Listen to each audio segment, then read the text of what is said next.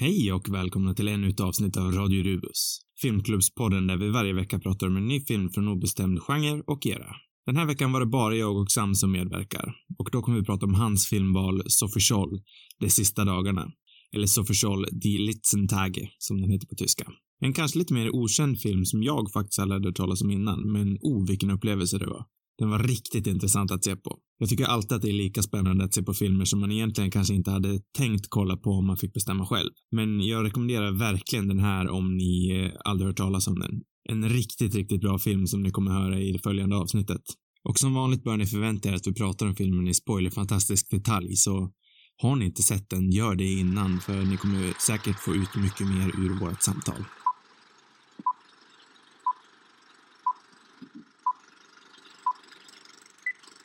God dag, Sam Svensson. Tjena. Eller guten Tag, kanske man borde säga. Ja, kanske. Eller guten Abend är det ju till och med. Du är bra på tyska. Jag är bra på tyska. Jag läste tyska i fyra år. Sen hoppade jag av Mm. för att min lärare var väldigt otrevlig.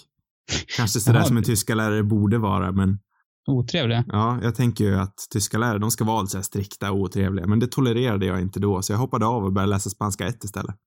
Just det, det minns jag ju faktiskt. Mm. Ja, det var en tuff tid. Jag är traumatiserad än idag.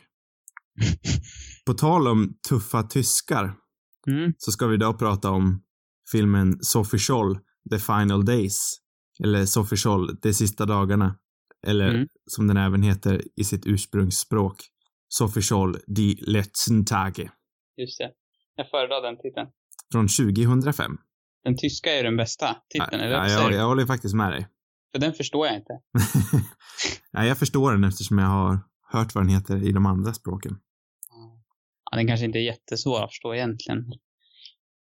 Nej, fast ska jag vara ärlig så, trots mitt, min gedigna tyska kunskap så måste jag säga det, hade jag inte hört den översättningen hade jag inte vetat vad det betydde. Ja, ja, Jag vet, då... jag vet att tage betyder dag, men litzen vet jag inte vad det betyder. Nu vet du det. Nu vet jag. Det är, det är det här, det är därför jag uppskattar Radio Rubus så mycket som jag gör. Jag lär mig någonting nytt varje dag. Varje vecka. Radio Rubus, podden där du lär dig någonting nytt varje vecka. Mhm. Eh, vad tycker du om Sophie Scholl, Die letzten Tage från 2005? Jag tycker det är en... eh, Det är mycket fascinerande historia, skulle jag Mm. vilja säga. Först och främst. Jag har ju lyssnat på... Eh, vad var det? På P3 Historia. Mhm. Om den här historien. Mm. innan. Mm. Det är en, det är en lite trevlig podd jag brukar lyssna på ibland.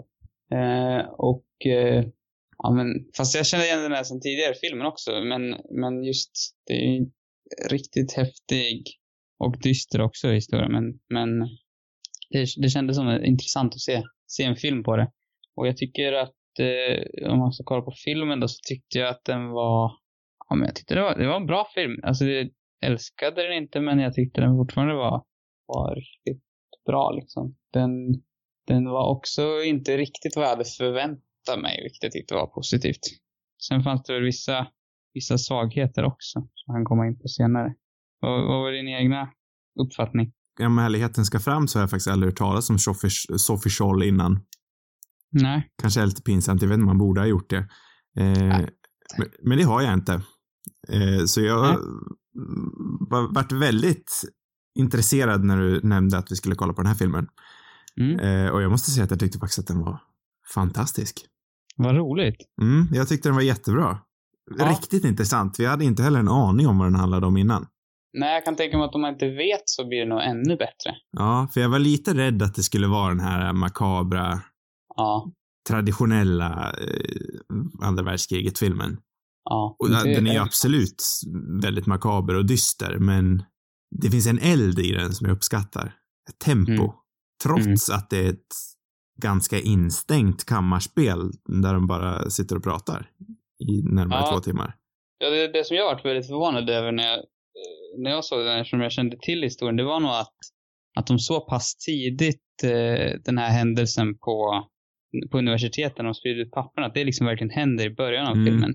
Jag hade nog trott att, att det var snarare någonting som de skulle bygga upp till liksom, och att det kanske skulle komma betydligt senare i filmen. Mm.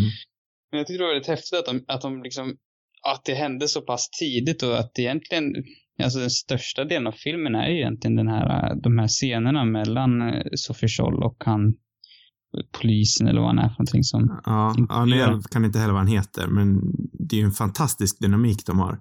Ja. Och det är riktigt ja. intressant hur de liksom gråskalar han mm. som karaktär. Mm, verkligen.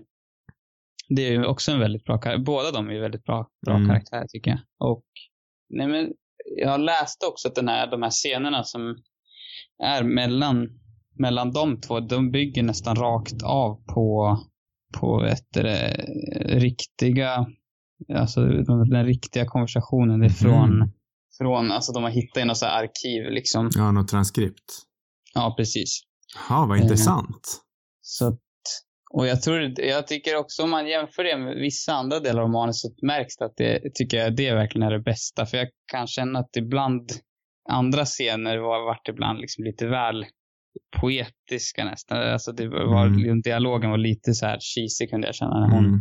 sa vissa saker. Men just den här dialogen i scenerna mellan de två var ju riktigt bra faktiskt. Ja, det, är, det var jätteintressant att du sa det där, för jag, jag håller med dig om att filmen lever och dör på scenerna mellan dem. Mm. Och när de slutar umgås så tappar den mig också, även fast jag tyckte den var riktigt bra. Mm. Eh, men för dialogen mellan dem är så snyggt gjord. Och om mm. det bara är baserat på transkript liksom så är det ju helt un underbart nästan hur, hur eh, dynamiska samtalen var och hur, hur bra de funkar rent dramaturgiskt. Mm. Ja, alltså jag vet inte, men jag, jag, jag läste i alla fall. Det, det, jag vet inte exakt källan, men jag, jag, antar att det, att det var så. Sen har de väl säkert ändrat vissa grejer sådär, men, men jag kan ändå tänka mig, tror det är därför det känns så pass eh, autentiskt också. Liksom. Mm. För det vore ju riktigt tråkigt om den här konstapeln, vi borde kanske kolla upp hans namn, men mm. Eh, om han var den här klyschiga nazisten liksom som bara såg världen svart och vitt, vilket han gör till en början, men sen bryts även han ner när han berättar om sin mm. son och man verkligen ser att han har sympati för Sophie Scholl och han vill att hon ska mm. Eh, jag menar att hon ska säga, jag menar att hon ska gå fri. Mm. Och jag tycker det är helt fantastiskt att de är modiga nog att faktiskt göra så. Ja, verkligen. Alltså han, till en början så får man ju känslan av att han är mer som någon typ av mini-Hitler nästan. Han är skrikig liksom. Mm. Och har den här mer typiska. Men ju mer, ju längre man kommer in i filmen, ju mer liksom förståelse får man för honom och mer intressant blir karaktären liksom. Och om man jämför honom också mot domaren där i slutet ja, så är jag tänkte säga det. Äh, där tappade filmen mig nästan helt.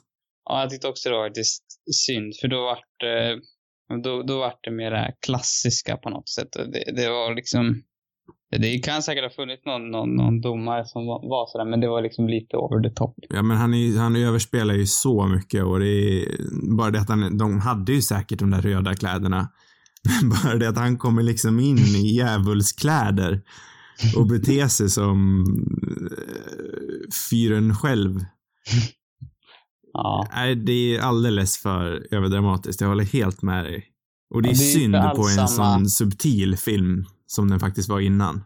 Mm. Men det enda möjligtvis gärna, alltså att det blir att den skapar den här kontrasten, att man kanske nästan ännu mer uppskattar den andra karaktären. Det är möjligtvis den, det som den tillför. Ja, eh, kanske, men Nej, jag vet inte. Det funkar ändå inte riktigt för, för min del i alla fall.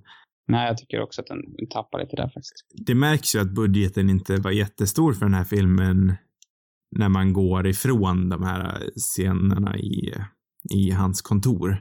Mm. Liksom i början där när de filmar vid universitetet och ja, men ute på gatorna. Mm. Kameran är väldigt så här statisk på en byggnad. För att det är uppenbart att byggnaderna runt omkring är mer moderna. Mm. Eh, så det är skönt ändå att filmen faktiskt inte utspelar sig mer utanför kammaren. Mm. Ja, det är det. Den, bristerna hade ju gjort sig mycket mer bemärkta om, om det faktiskt utspelade sig någon annanstans. Ja. Eh, så det är ju riktigt smart filmskapande på det viset. Mm, verkligen. Sen tycker jag den är, den är ju riktigt välgjord. Så eh, en dålig budget är ju ingenting man ska skämma en film för direkt. Men filmen, eller scenerna där i början på eh, högskolan eller universitetet, de är ju jättespännande.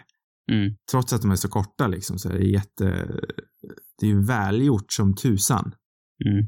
Det enda jag kunde känna med, med de scenerna och några scener, det var att, att det var lite, alltså musiken var lite på gränsen, alltså den var också lite over the top Mm. där. Störde mig lite på. Eller det var väldigt så här bombastisk och det passade inte riktigt resten av filmens så minimalistiska stil riktigt.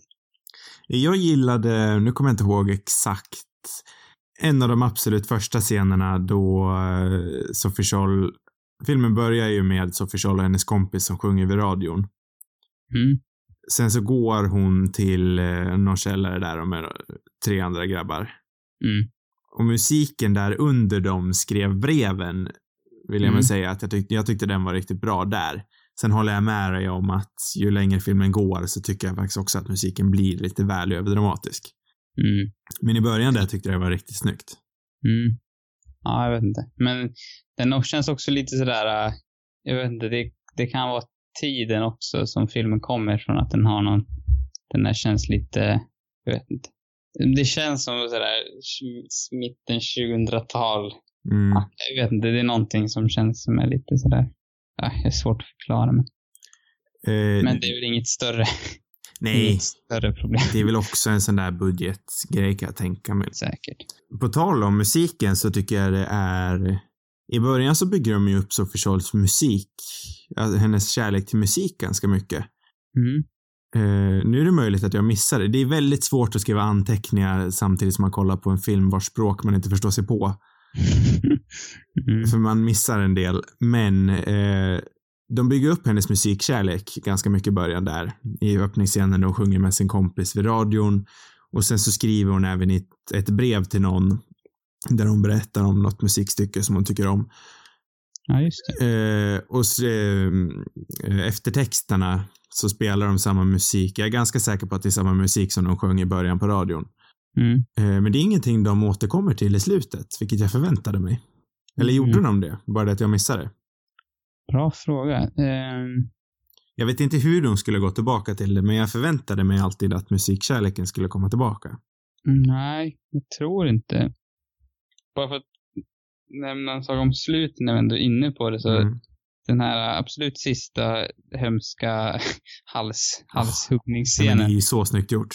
Ja, med att det kommer på eftertexten liksom. Ja, Och att det bara är svart. Eller det är väl ingen eftertext, det är väl bara nej, det är svart. bara en svart ruta Ja, med nej, det ljudet i var, bakgrunden. Det är så kraftfullt.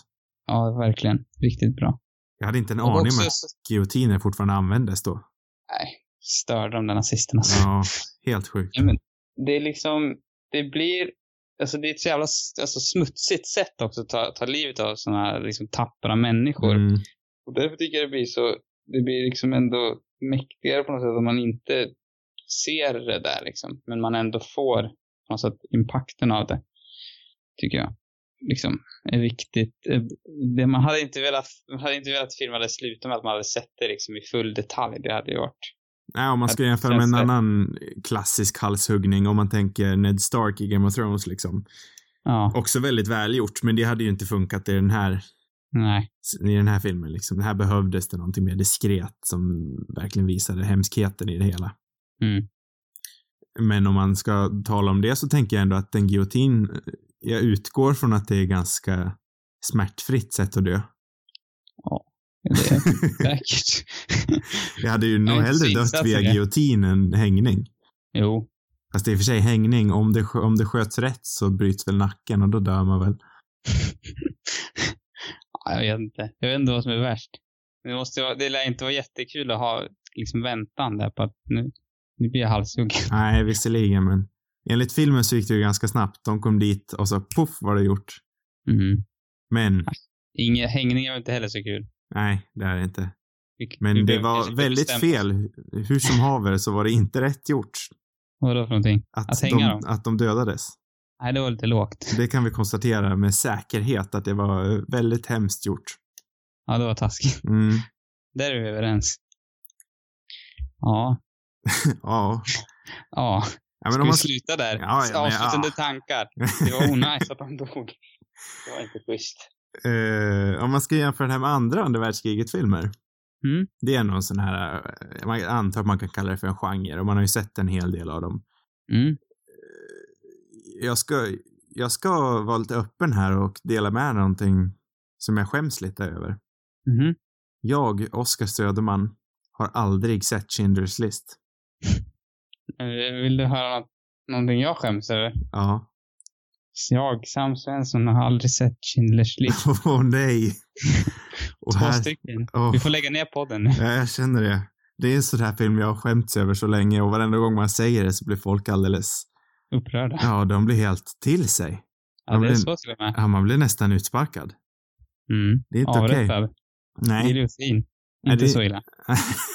Nej, de, är alltså, de hade ju nog valt något mer inhumant sätt att döda mig på, skulle jag kunna tänka mig. Uff. Så inget kul. Död av stening eller något liknande. Oj. Ja. Eh, nej, men jag har, jag har aldrig sett Schindler's list och det skäms jag lite över. Och det är väl den här eh, stereotypiska andra världskriget-filmen man borde ha sett. Mm, det är väl det.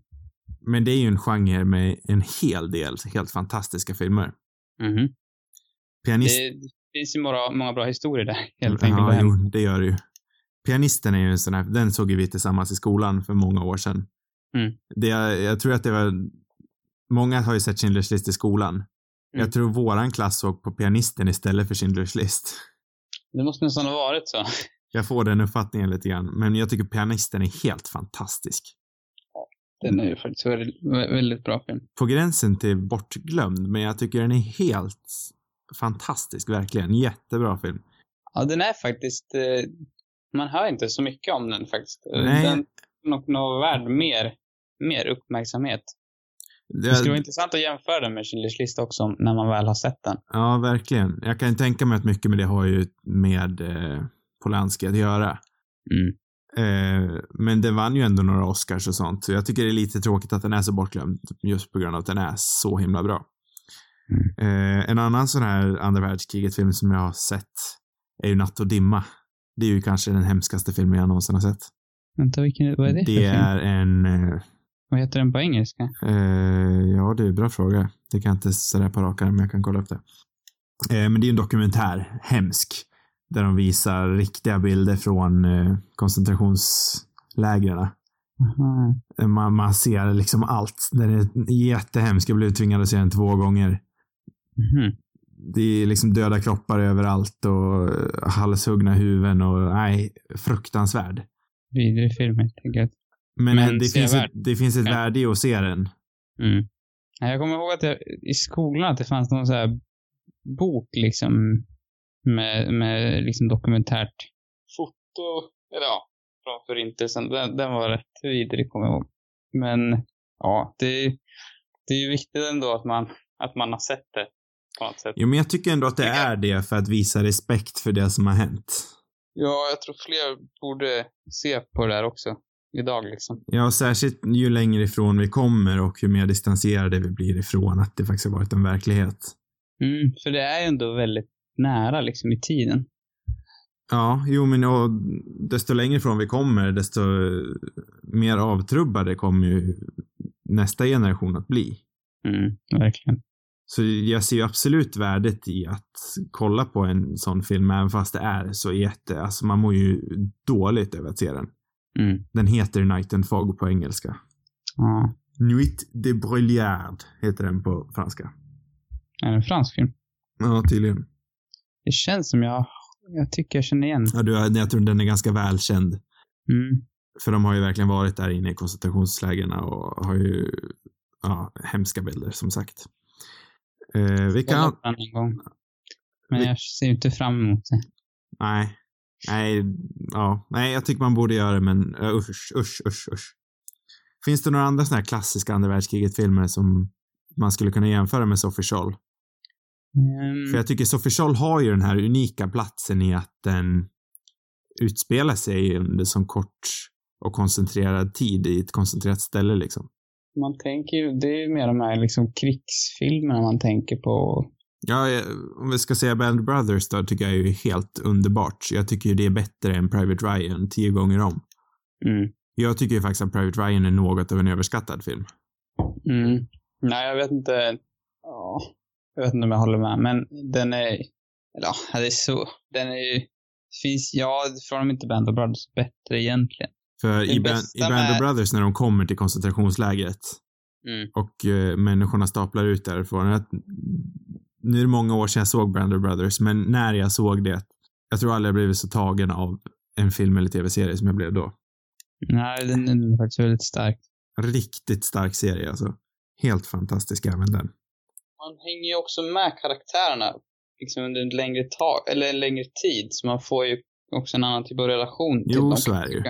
Och så känns de, eller jag är inte helt men men det jag kan tycka med Private Ryan som kritik är väl att det känns som att alla är helyllekillar liksom. Jag vet inte om det är så, är det kanske mycket i Band of Brothers också, men, men det känns som att man ändå har en mer nyanserad bild av de karaktärerna. Alltså det är mer nyanserade karaktärer Mm. Jo, och det är ju på grund av tiden då, som sagt. Så det finns ju en väldigt logisk anledning till det.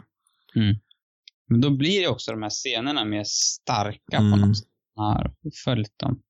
Jo, särskilt med tanke på att i verkligheten så var det ju någonting som aldrig tog slut för de som var där.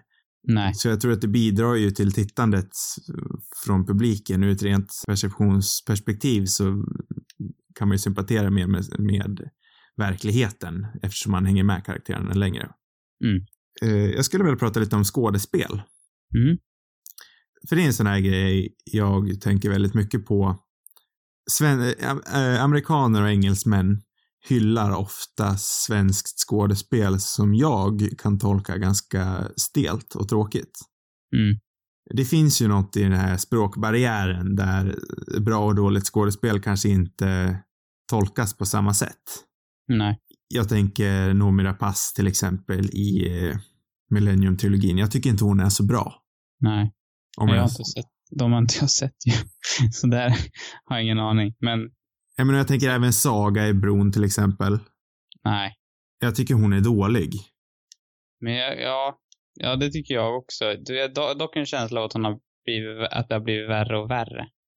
Ja, ja det är Eh. möjligt. Jag slutade kolla på den serien, men Men nej, det, eh, men jag tycker det är så intressant för båda de insatserna, jag nämnde dem eftersom de har blivit så hyllade internationellt. Mm.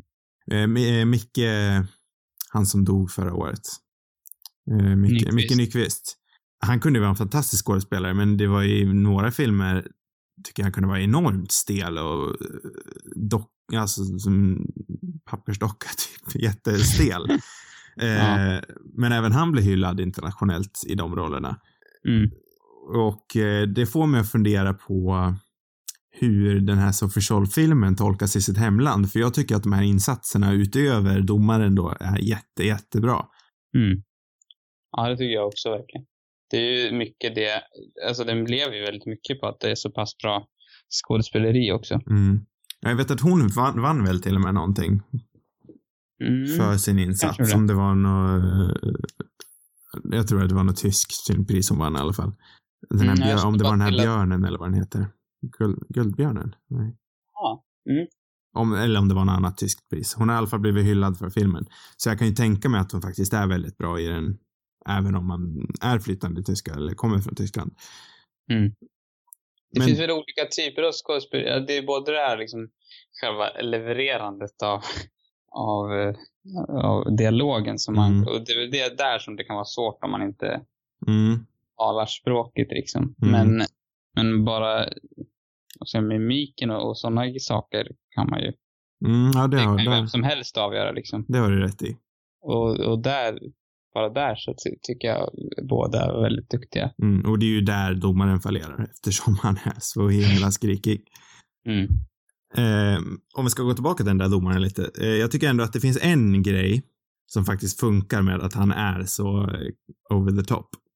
Mm. Och det är när man går tillbaka igen från eh, den här eh, domstolsscenen Mm. åter till cellen efteråt. Då hon äntligen bryter ner och skriker. Mm. Jag kan ändå se att det finns en poäng i att gå från det här väldigt överdramatiska då det nästan, det blir en film igen liksom om du förstår vad jag menar. Mm. Till, klipp till verkligheten. Där hon bryter Mm. samman, där hon äntligen bryter samman och skriker. Mm. Det gjorde det ögonblicket mycket kraftfullare. Jag vet inte Ja. om jag kan ge filmen cred nog till att ha gjort det med flit. Men jag tyckte det var väldigt kraftfullt. Ja, jo. Jo, men det kanske, ja, men det var lite det jag menade också med kontrasten. Alltså det skapar någon typ av kontrast till det andra som på något sätt kan stärka resten av filmen. Mm. Eh, sen om det är med flit det vet jag inte. Sen så fanns det ju, jag menar om man kollar på till exempel Hitler så, så var ju han bevisligen på det där sättet. Så det, det kan ju säkert ha funnits fler, fler personer som var inspirerade av honom. Eller som var, som var liksom på det där över, överdrivna, skrikiga viset. Så det behöver inte vara helt, helt, vet det, ja, det behöver inte vara fel liksom rent historiskt, men, men det, det, är väl bara det att det kanske i den så pass minimalistiska filmen så, så sticker det ut lite. Mm. Det passar inte riktigt in där. Nej, för man tänker ju automatiskt på Hitler eftersom det är sådär han är i, när man ser på tal han gjorde och sånt där. Så mm. är han ju väldigt likt så som eh, domaren beter sig. Mm. Så det är ju säkert en parallell de ville dra. Mm. Eh, nej men det blir ju så himla snyggt också då den här, eh, ja men när de faktiskt målar upp den här eh, konstapeln som, som väldigt gråskalig. För jag är jättefascinerad över det här med nazisterna just med tanke på det att alla kunde ju inte vara onda. Nej.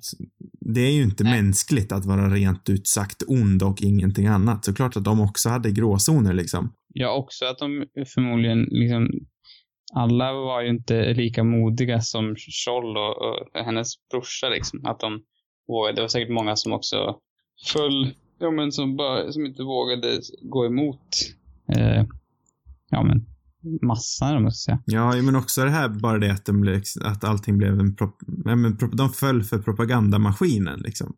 Mm. Eh, för han trodde ju till exempel att, tys, att judarna bara emigrerade. Vilket jag tyckte var jätteintressant. Ja. Att han, först, han förstod. Eller om han förnekade det, det vet jag inte. Men...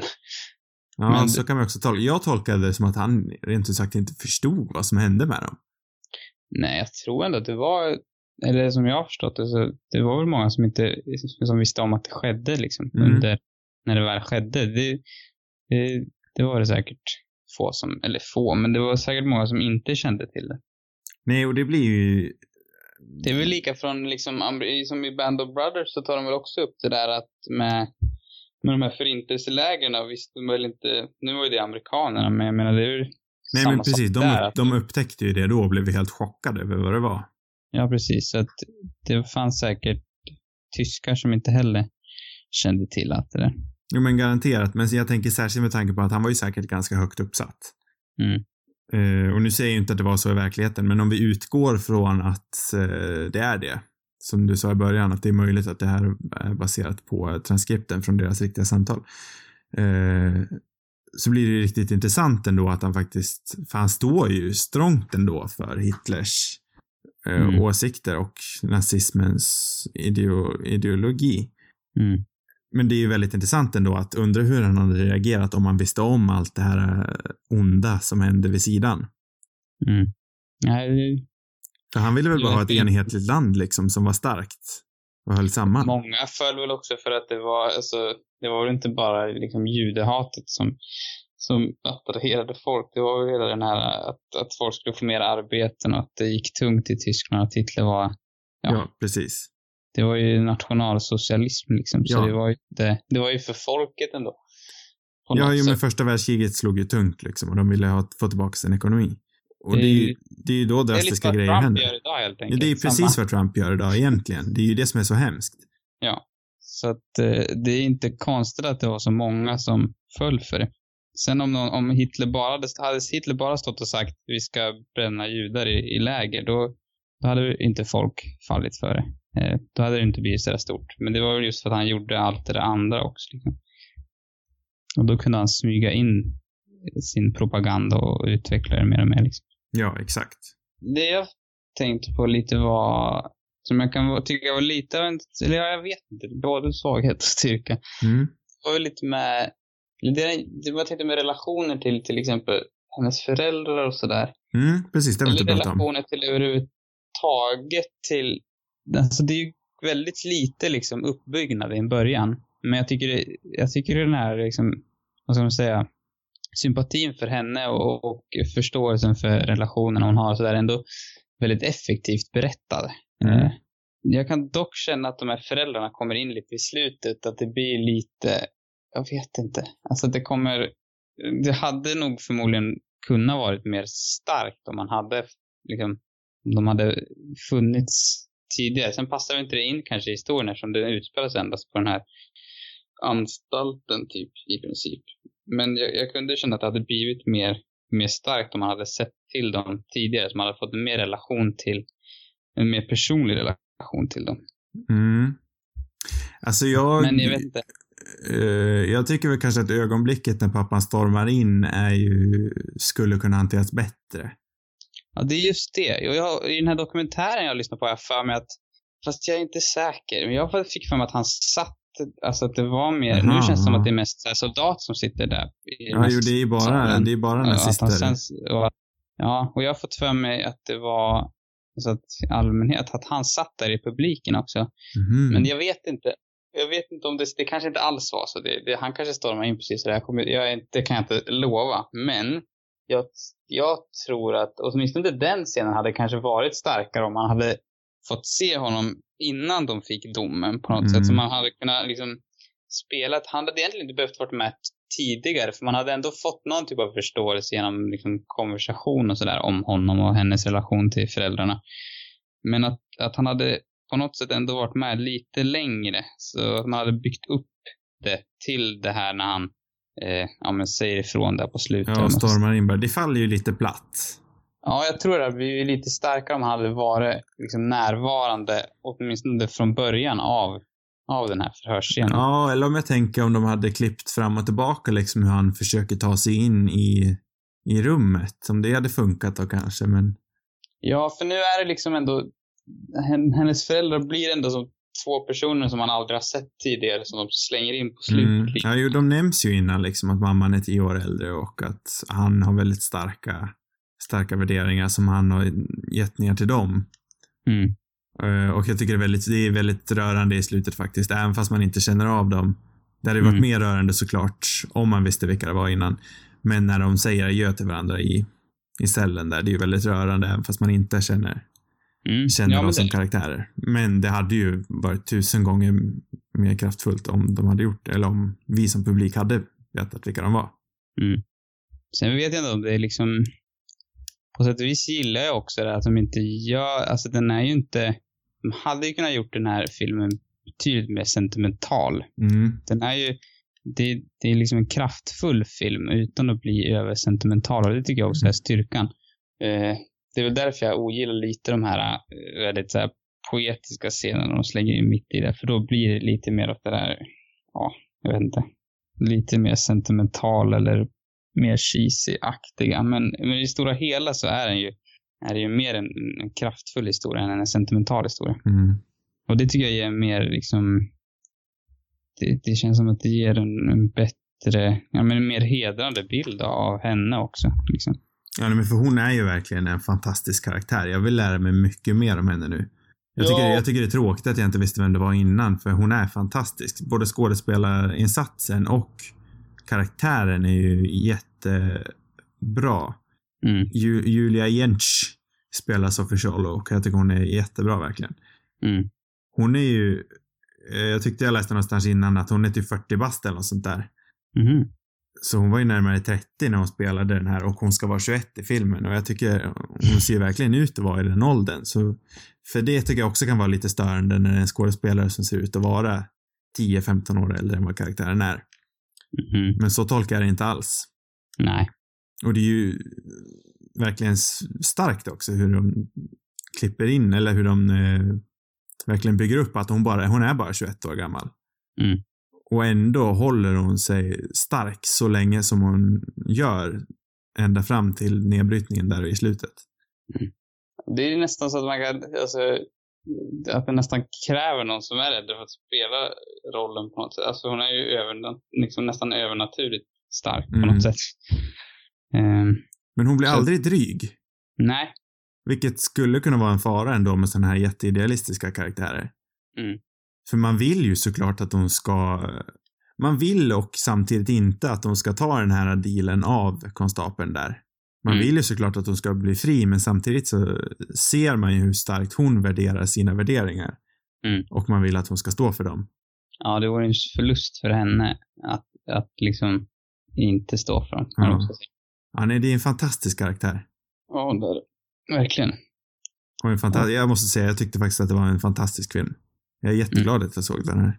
Ja, alltså, nej, när man, ju mer man tänker på det så, så, så växer den också tycker jag. Men det är, jag tycker också att det är alltid svårt med sådana här filmer där det, där det bygger på en sån häftig historia liksom, som är, som i sig själv är så pass starkt. Jag tycker alltid att det kan vara svårt att, att avgöra liksom, om det är, om det är filmen, om filmen gör det bra eller om den egentligen lever mest på historien. Men den här Mm. tycker jag inte att den, den, att filmen i sig själv också är, är bra och liksom väldigt välgjord. Och så faller den inte heller riktigt i, ja, men den är inte den här typiska typiska baserade på en sann historia-filmen heller. Nej, alltså för jag, jag känner verkligen redan från öppningsscenerna, just eftersom de här öppningsscenerna är mer traditionellt spännande och mer kanske filmiskt komplicerade. Just Mm. eftersom de är så välgjorda så känner man att man är i stabila händer resten av filmen.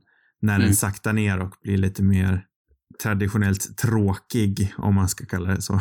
Ja, men det är också liksom, det måste finnas, eller det är ändå rätt ovanligt också med den här typen, för den är inte jätte, liksom, som säger, kommersiell med, att ha så pass mycket, liksom långa dialogscener. Eller vad Nej. säga. Om man jämför med, med många av de här typiska, vet du, vad ska man säga, biopics eller, Mm. ja, Jo, men en biopic är det väl, det skulle man kunna kalla det för. ja, då, det är få ändå som man, som är på det här sättet, som bygger så pass mycket på bara dialog egentligen mellan Mm. två karaktärer. Ja, Därför skulle jag verkligen vilja se, jag kollar ju aldrig på eh, Danny Boyles eh, St- Steve Jobs-film. Ja, just Den ska väl vara lite liknande, att den är baserad på tre händelser och det ska väl vara tre konferenser om jag inte minns fel och den ska vara väldigt dialogbaserad då. Ja, men det kan jag tänka mig. Så det skulle kunna vara, oh, är det en motorcykel? Nej, jag tror det är ett flygplan. Oj, shit. Eller nej, kanske en helikopter Ah, förresten. Jag vet inte. hur som haver. Eh, nej, den skulle jag verkligen vilja se, för jag älskar ju filmer som är byggda på dialog. Jag som Mm. tycker om att skriva själv så brinner man ju verkligen för så här väl välstrukturerad och eh, dialog med sånt här tempo och rappt som aldrig blir tråkigt. Det, man blir inspirerad av det, verkligen. Men det, är inte den skriven också av, eh, Aaron Sorkin, ja. ja. Så jag kan tänka mig att den är, är rätt vass. Mm, jo, den är ju säkert vass. Jag tänker mer på den här. Det är ju inte lika garanterat att den här skulle vara vass.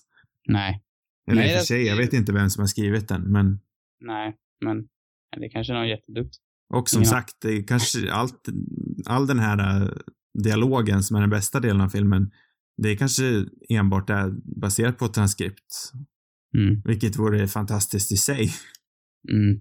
Men då är det ju, och, alltså det är åtminstone skåd, alltså det är skådespelerier och, och liksom regissörsarbetet som har varit fantastiskt också i alla fall. Så att det, nej det, det är häftiga, de scenerna är också väldigt häftiga. Eh, ja. Har du någonting mer att säga? Nej, jag känner mig, jag känner mig att vi täckte, har täckt rätt bra med. Ja, men jag känner också det. Jag känner till och med att vi inte behöver några avslutande tankar den här veckan. Nej, jag- nej. Eh, Det känns bara som vi är repetition. Och det känns skönt att slippa Ja. dem också. Nej, men alltså verkligen en fantastisk film tycker jag. Med Ja. sina, med, alltså med misstag, men jag ser över dem för jag tyckte den var jätte välgjord. Dialogen är hur bra som helst som sagt och nej, och det är riktigt bra. Det är en film jag aldrig skulle sett utan din rekommendation. Nej, eller jag har ju inte sett den så det var ingen rekommendation. Nej, men utan, utan, ditt, utan ditt förslag. Mm. Det här, jag jämför den här äh, erfarenheten lite med när vi såg på Mr. Ripley. Ja, just det. För det är en Mm. annan film jag nog aldrig skulle sätta mig själv. Nej, Och och jag här ska kommer- vi tacka för, för lyssnarbidrag Ja, det inte... det, nej, det ska vi tacka för. Tack, tack lyssnare. Eh, Ja. ja. Nej, men ja, nej, jag kommer, jag kommer nog säga det flera gånger i den här podden i framtiden. Men alltså, ja, när man får sådana här upplevelser, jag blir jätteglad. Det bevisar bara roligt. hur mycket jag älskar film. Jo, men det finns många sådana här filmer också som man lätt missar liksom. Som Mm. på pappret inte är tillräckligt, alltså det, de kanske inte är tillräckligt lockande eller någonting. Det, det är någonting som gör att man aldrig riktigt tar tag. Men de, de finns ändå där på, på någon alldeles för lång lista som man har. Eller jag har i alla fall en alldeles för lång lista på IMDB med filmer. Och det är många, många som försvinner där i, i vimlet. Mm, jo men det är ju verkligen så. Det, det är ju så svårt i dagens samhälle också när man kommer åt filmer på ett, knappklick liksom. Mm. Eh, ja men då känner vi oss klara för idag tycker jag. Ja. Eh, det här var ett väldigt bra avsnitt tycker jag. Ja, det måste jag säga. Här missade du någonting Johan. Något enormt bra. Och nästa vecka är det min tur att välja film och då tänker jag att vi ska prata om en film jag tycker väldigt mycket om. Mm. Eh, och jag tänker att vi rör oss tillbaka till Asien. Vi har ju bara pratat om Zhang Jimus Hero från Asien än så länge. Mm. Men jag tänker dock att vi rör oss från Kina till Japan. Just det. Eller vill man prata om vill man prata om en Kurosawa-film? Det kan man också vilja. Oh, ja, vi pratar hellre om en Kurosawa-film tror jag. det här måste du ha med Ja, det här, ja, det här Du tänker jag nog ha med. ångrar dig mitt i. Nu det, ångrade jag mig mitt i här. det är kvalitet. Det vill vi gärna ha med. Eh, nej, men jag ändrar mig. Jag tänkte att vi skulle prata om Tampopo. Mm. Men nu gör vi så här. Jag ändrar mig lite spontant så att vi pratar om Akira Kurosawas klassiska film Yojimbo, eller Livvakten som den heter på svenska, från 1961. Ja. Spännande. Ja, det tycker jag ska bli riktigt spännande. Det är en annan sån här skäms, skämsgrej jag har i mitt film, i mitt filmförråd, att jag aldrig har sett på en Kurosawa-film. Nej, jag har sett en. Men jag har fortfarande inte sett samurajfilmen, eller de sju samurajerna. Nej. Eh, så den är fortfarande med i skäms... Nej, men det, det ser jag verkligen fram emot. Yojimbo. Mm. Eh, har ni frågor och vill ha svar, skicka in dem till cinemarubus.gmail.com. Där kan ni även skicka in förslag om ni har filmförslag. Ni kan även gå in på cinemarubus.com för där finns det fler avsnitt och där skriver jag även ytterst, ytterst sällan. Det var allt för den här veckans Radio Rubus. Tack för mig. Mm. Tack, tack. Hej då!